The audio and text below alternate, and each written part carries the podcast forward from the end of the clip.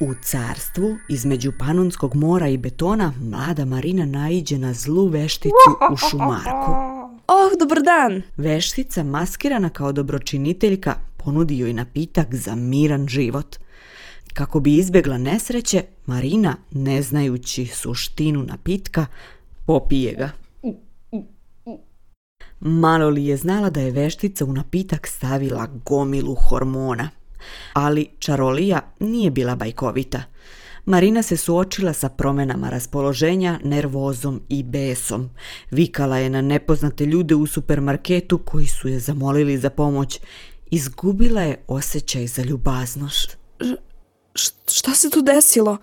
Akne i teško mentalno stanje postali su deo njenog života. Marina u očaju shvatila je da ju je veštica prevarila. Odlučila je da se oslobodi čini. Prestala je da uzima napitak i uprkos teškoćama pronašla istinsku sreću u sobstvenom srcu. Slušate Umologiju, podcast u kom želimo da napravimo nove drajvere, putanje shvatanja i razmišljanja, poimanja sebe, svojih misli i emocija, ali i osoba i sveta oko nas. Da preispitujemo kako naša svakodnevnica utiče na dobrobit pojedinca. Da budemo dobro.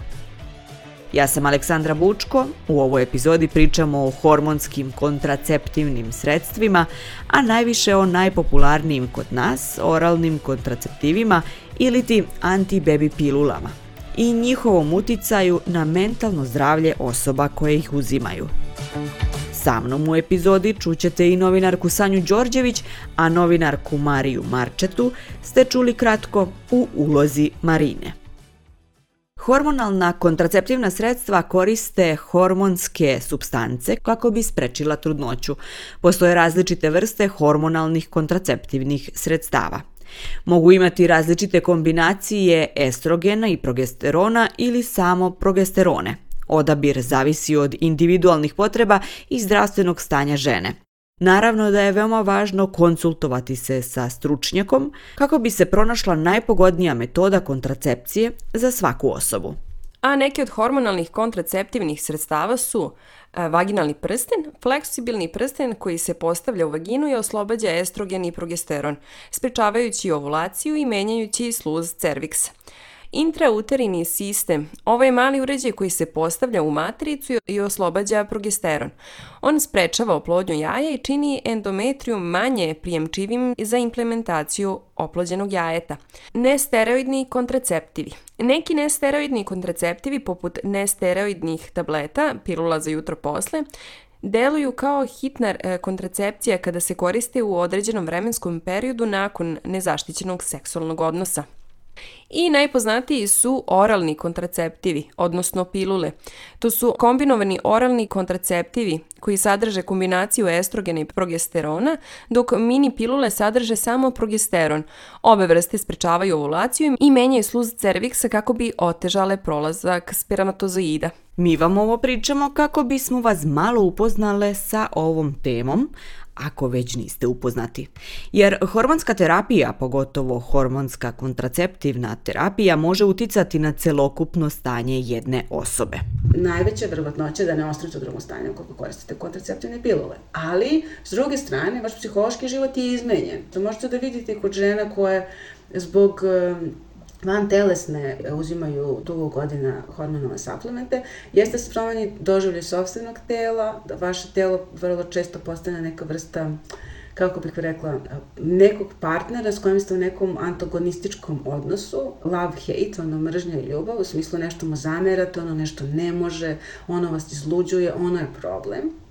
I to je jedna zamke da žena zapravo onda ni ne uspeva da iskomunicira i sa drugima, bilo je to partner, majka, stručnjak, pa psiholog, psihoterapeut. Šta se zapravo njoj dešava, jer vrlo često krene da okrivljuje samo sebe i njeno telo koje ne radi kako treba. Ovo je psihoterapeutkinja Slađana Živković. Slušat ćemo je kroz ovu epizodu. Iz svih tih razloga pitali smo vas na našem Instagramu kako su na vas, koji ih koristite, uticala hormonska kontraceptivna sredstva. I evo odgovora sa storija. Sanja će ih pročitati. Jedan je Na mene pozitivno, pretpostavljam da nije baš idealno, verovatno postoje side effects. i drugi. Da, meni su izazvale anksioznost i depresiju. Zato smo odlučile da u ovoj epizodi ispitamo obe strane. Potencijalno dobar i loš uticaj hormonske kontracepcije na osobu koja ih pije. Pričale smo sa dva stručnjaka, ali hajde za početak da vas upoznamo sa psihijatrom i farmakologom Igorom Kelečevićem, sa kojim je pričala naša novinarka Marija. Prvo i važno pitanje, kako kontraceptivne pilule funkcionišu u organizmu? Moramo da razumemo šta se dešava u organizmu kada uzmemo hormonska kontraceptivna sredstva. Kako bismo znali da li imaju utjecaj i na neke druge aspekte u našem životu. estrogeni blokiraju ovulaciju. Gestageni, kao dakle druga komponenta kombinovane kontraceptivne terapije, njihovo glavno dejstvo u kontracepciji se ispoljava u pravcu smanjenja kvaliteta endometrijuma. Endometrijum je taj unutrašnji sloj materice a, koji u tom određenom momentu ciklusa ovulacije postaje a, a, fiziološki kompetentan i sposoban da primi oplođenu jajnu ćeliju, odnosno embrion, to jest da, da se taj embrion usadi u tkivo endometrijuma, odnosno u tkivo materice.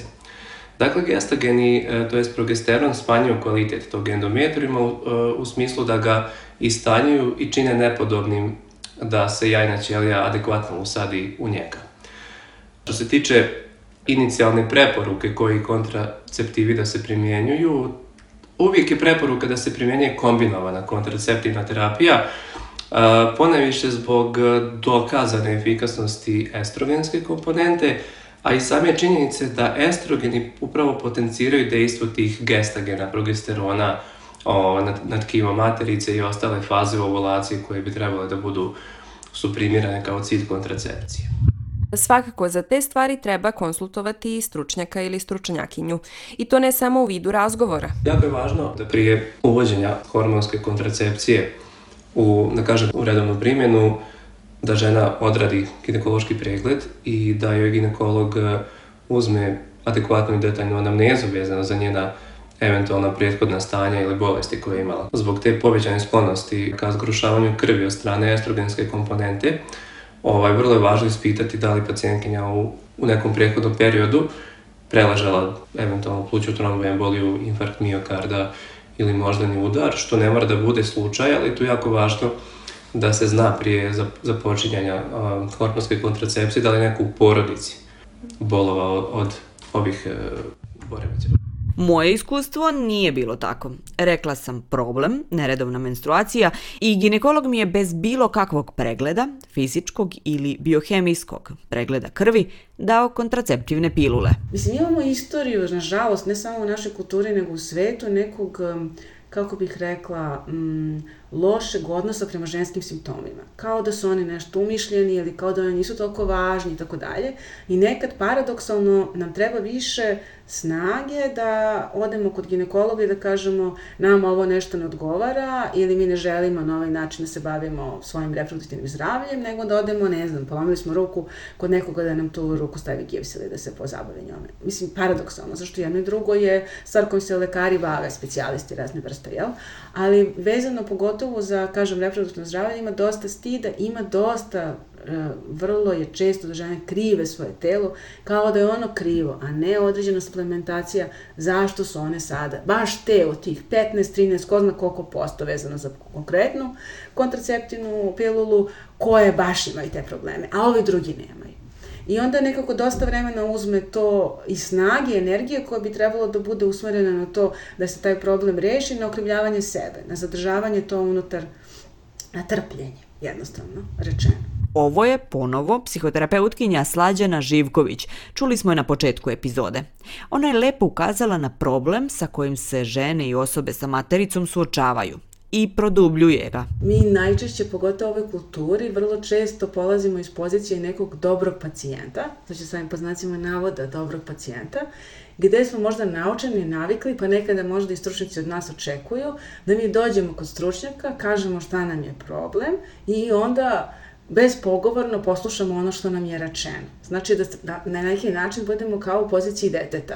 Kako nam kaže autoritet, tako mi i da uradimo. Suprotan pol bi bio ja sve znam bolje ili takozvani, opet znacima navada, Google lekari, to jest ja sam pročito izgooglala, nešto sam se interesovala, uh, htela sam da nešto saznam na tu temu i onda ulazim u neku vrstu ozbiljne rasprave ili možda čak i doživlje lekara, bude li stručnjaka da vi dovodite u pitanje njegov autoritet i da znate bolje zbog pa, par pročitanih članaka. Dakle, nijedno i drugo nije neko, neka pozicija koja pozicija dobrog sagovornika. I važno je razgraničiti da žena mora da bude, da bi bilo za nju korisno da bude zaista jedan odgovoran i aktivan sagovornik koji ne glumi Google doktora, ali nije ni dobar uh, pacijent kao što bi dete bilo bilo u kontaktu sa autoritetom, nego da je adekvatno potkovana svojim znanjem i da razmišlja svojim potrebama i svojim granicama.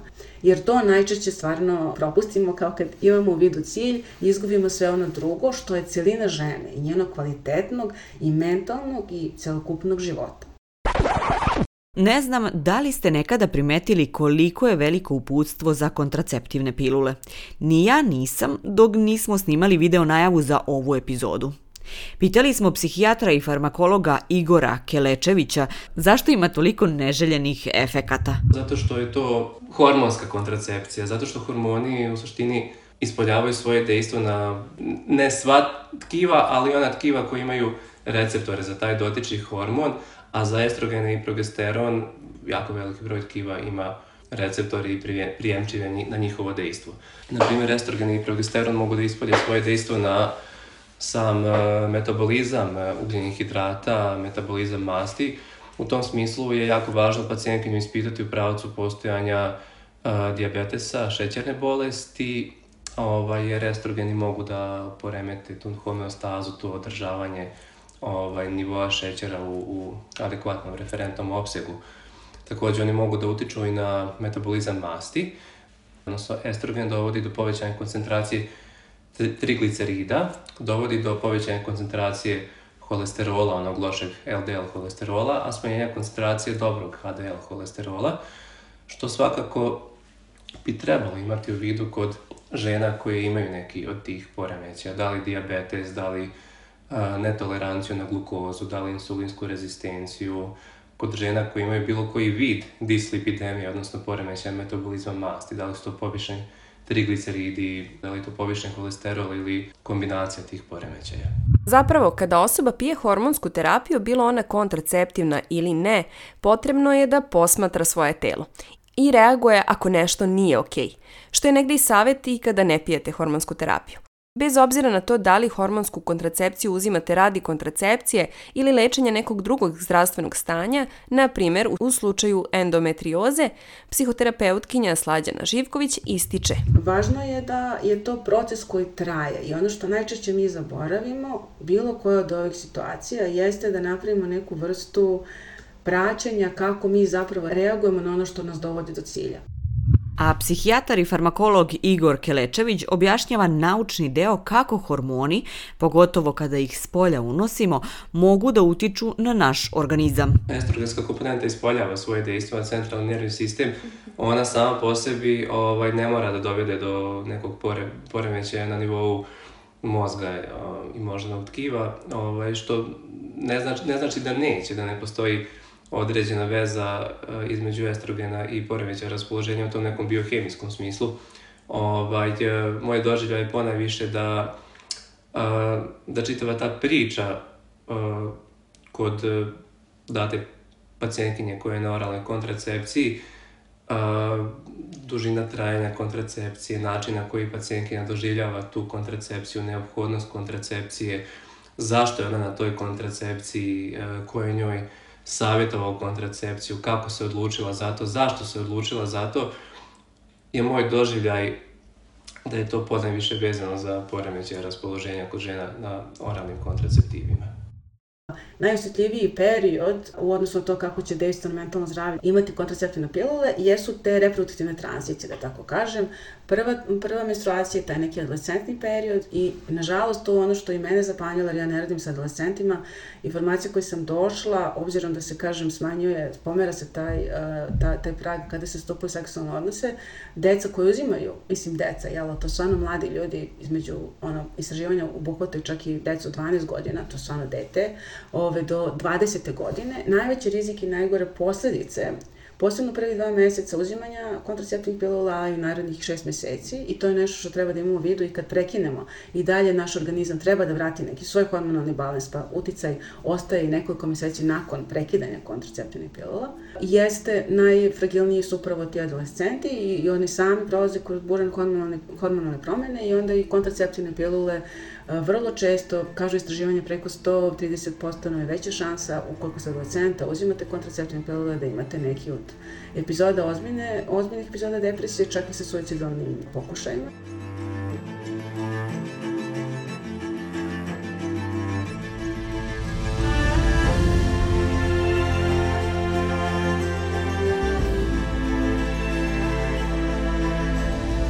U nekim drugim fazama života, pomenula sam već postpartum, koncepcija, ukoliko je tada uh, period, ukoliko žena ili njen partner ili oboje imaju problem sa začećem, uzimaju zapravo hormonske suplemente, ovaj, taj period je takođe period koji je uh, vrlo rizičan za razvoj nekih mentalnih bolesti zbog toga što su žene već u nekoj formi hormonalnog disbalansa s jedne strane i s druge strane zato što je terapija obično ne samo više mesečna nego više godišnja, vrlo često. Znači taj period uzimanja kontraceptnih pilula se produžava.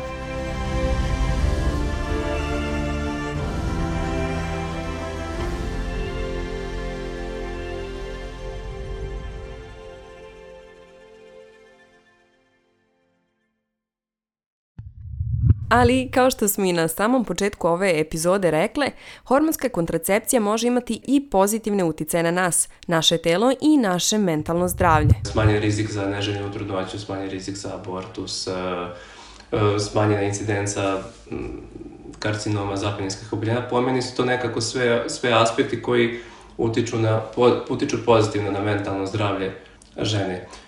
Da bi hormonska kontraceptivna terapija bila efikasna, što je i pokazano da jeste, vrlo je važno ovaj, da svaka žena redovno uzima terapiju efikasnost hormonske kontracepcije je dokazana da u, u smislu da je terapijski neuspjeh sveden na manje od 0,1%. To znači da bi radi efikasnosti hormonske kontracepcije žena trebala svaki dan da uzima tabletu poželjnu u isto, u isto vrijeme i da ide na redovne kontrole kod ginekologa i da ne brine u kontekstu eto, mentalnog zdravlja, da se nekako ne brine oko tih nekih očekivanih neželjenih dejstava koja su manje više benigna, koja nisu toliko opasna, poput e, mučnine, poput nekih e, probojnih krvarenja u prva tri mjeseca koje mogu da se jave, a svakako i ženi treba skrenuti pažnju na to da, da, da će se krvarenja javiti nakon opostave hormonske kontracepcije koja će možda u tom nekom početnom, početnoj fazi biti isto neredovna, ali vremenom se regulisati. Međutim, jako je važno da pratimo svoje telo i da izaberemo adekvatnog stručnjaka i da izgrađujemo adekvatan odnos odrasli-odrasli sa tim stručnjakom na temu promena koje se dešavaju tokom vremena. Ono što je preporuka, i to sam baš pratila psihijatrijske preporuke vezano za kontraceptivne pilule, jeste da u razumno periodu od tri meseca uradimo neki check-in u smislu šta se desilo, ovo za vas funkcioniše, pre svega sa sobom, a onda i sa eventualno endokrinologom ili samo ginekologom, ili imam neke simptome bilo fizičke, u smislu tih grča, grčava, krvarenja i ciklusa, problema sa gastrointestinalnim traktom um, ili e, dobijanjem težine ili fokusom. Ali ono što jeste ideja pod jednom jeste da pričamo o kontracepciji, biramo kontracepciju i da smo odgovorni prema svom telu, da znamo, š, da primetimo uopšte šta je za nas okej. Okay. A ne ono kao, ups, 10 kila više, otkud to? Ili kao, pa imate neki svaki mesec od ovih, pa da li od ovih pilula? Je bilo i pre. Imam te neke grčeve. to je nešto što vi morate da znate. Mislim, kako funkcioniše vaše telo. Možda je to tako kad sam ja posredstvom, onda me više boli. Ne, mene nikad ne boli kad imam menstruaciju, a sad imam. Znači, to su važne stvari koje vi treba da znate, a koje mi, nažalost, ne učimo naučimo jedne druge. Ono što je meni važno i što ja učim žene, kako god to zvučalo kao nekako malo čudno ili što god, jeste da primete kako se one razlikuju u kada su u preovulaciji, ovulaciji, PMS i menstruaciji. PMS je onako prilično zloglašen. I uvek pričamo iste priče o PMS-u. Menstruacija takođe, nekako i reklame idu na tu temu kako je smanjiti, kako bude neprimetna. Mi se šalimo nek ženama vas da te bele pantalone, kao skačemo i kao pomišljamo, koja od nas skače toko menstruacije u belim pantalonama? Ali što se očekuje od nas jeste jedna priča, a što se stvarno dešava s našim telom, što mi intimno možemo znamo. Kakve smo mi to? Da li imamo pojačanu seksualnu želju? Imamo smanjenu. Kako spavamo? Šta sanjamo? E, šta volimo da jedemo? Da li imamo te čuvene, ja onda u PMS-u pojedem Boga oca, ne znam šta? Ili je to neka reakcija na stres i na neko nevođenje računa u svom telu, kada treba da se izmeni neki način unošenja hrane ili vrste hrane, Pa kakva sam ja u menstruaciji? Ja odmaram uopšte tokom menstruacije. Jer ja uopšte imam koncept da to vreme kada ja treba malo da se povučem. Jer meni je okej okay da se ja povučem. Jer ja stvarno mislim da uvek treba da se ponašam kao da sam u fazi preovulacije kad imam najviše energije i najviše želim da idem, nešto radim, budem okrenuta svetu i tako dalje. Dakle, kakav je moje psihofizičko stanje u različitim fazama uh, menstrualnog ciklusa? To je nešto što vi možete da znate i bez endokrinologa, ginekologa, reproduktivnog psihijatra, vašeg partnera i tako dalje. I za vas je korisno da to znate, jer je velika moć u tome da poznajete svoje telo, svoju dušu, da tako kažem, svoje granice i svoje potrebe. Psihoterapeutkinja Slađana Živković govori o još jednoj važnoj stvari razgovor o ovim temama. Razgovor sa bliskim osobama, po najviše partnerima. Jer to i tekako nije samo problem žena ili osoba sa matericom, već se zaista tiče i osoba sa kojima dele važne i intimne trenutke i svakodnevnicu. Mislim da je stvarno važno da razvijamo tu kulturu da pričamo o tome, a ne da biramo seksualne partnere kojima je to zatvorena tema, ali da mi zbog toga što mislimo da ne možemo bolje ili nas neko mnogo privlači, da mislimo da smo zaljubljene ili već je godinama tako pa smo navikle, da je to ovaj, samo naša odgovornost. Mislim, E sad na svakoj ženi da proceni uh, i da se seti i da vrednuje svoje telo i da očekuje od ovog drugog da ga vrednuje. Hormonska kontraceptivna sredstva imaju kompleksan uticaj na fizičko i mentalno zdravlje žena. Naravno, postoje i pozitivne i negativne strane hormonskih kontraceptiva.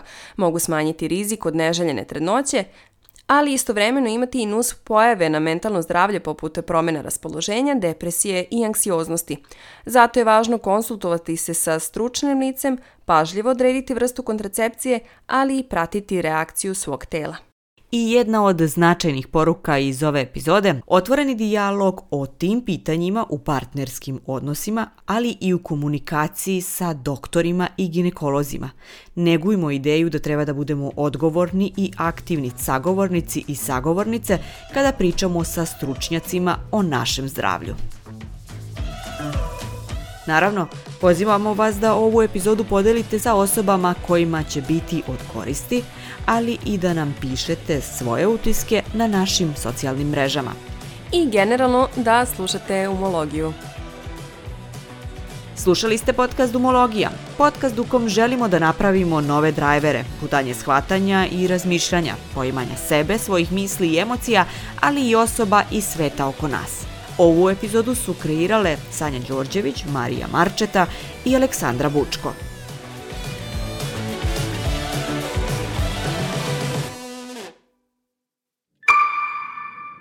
Produkcija Fabrika kreativnosti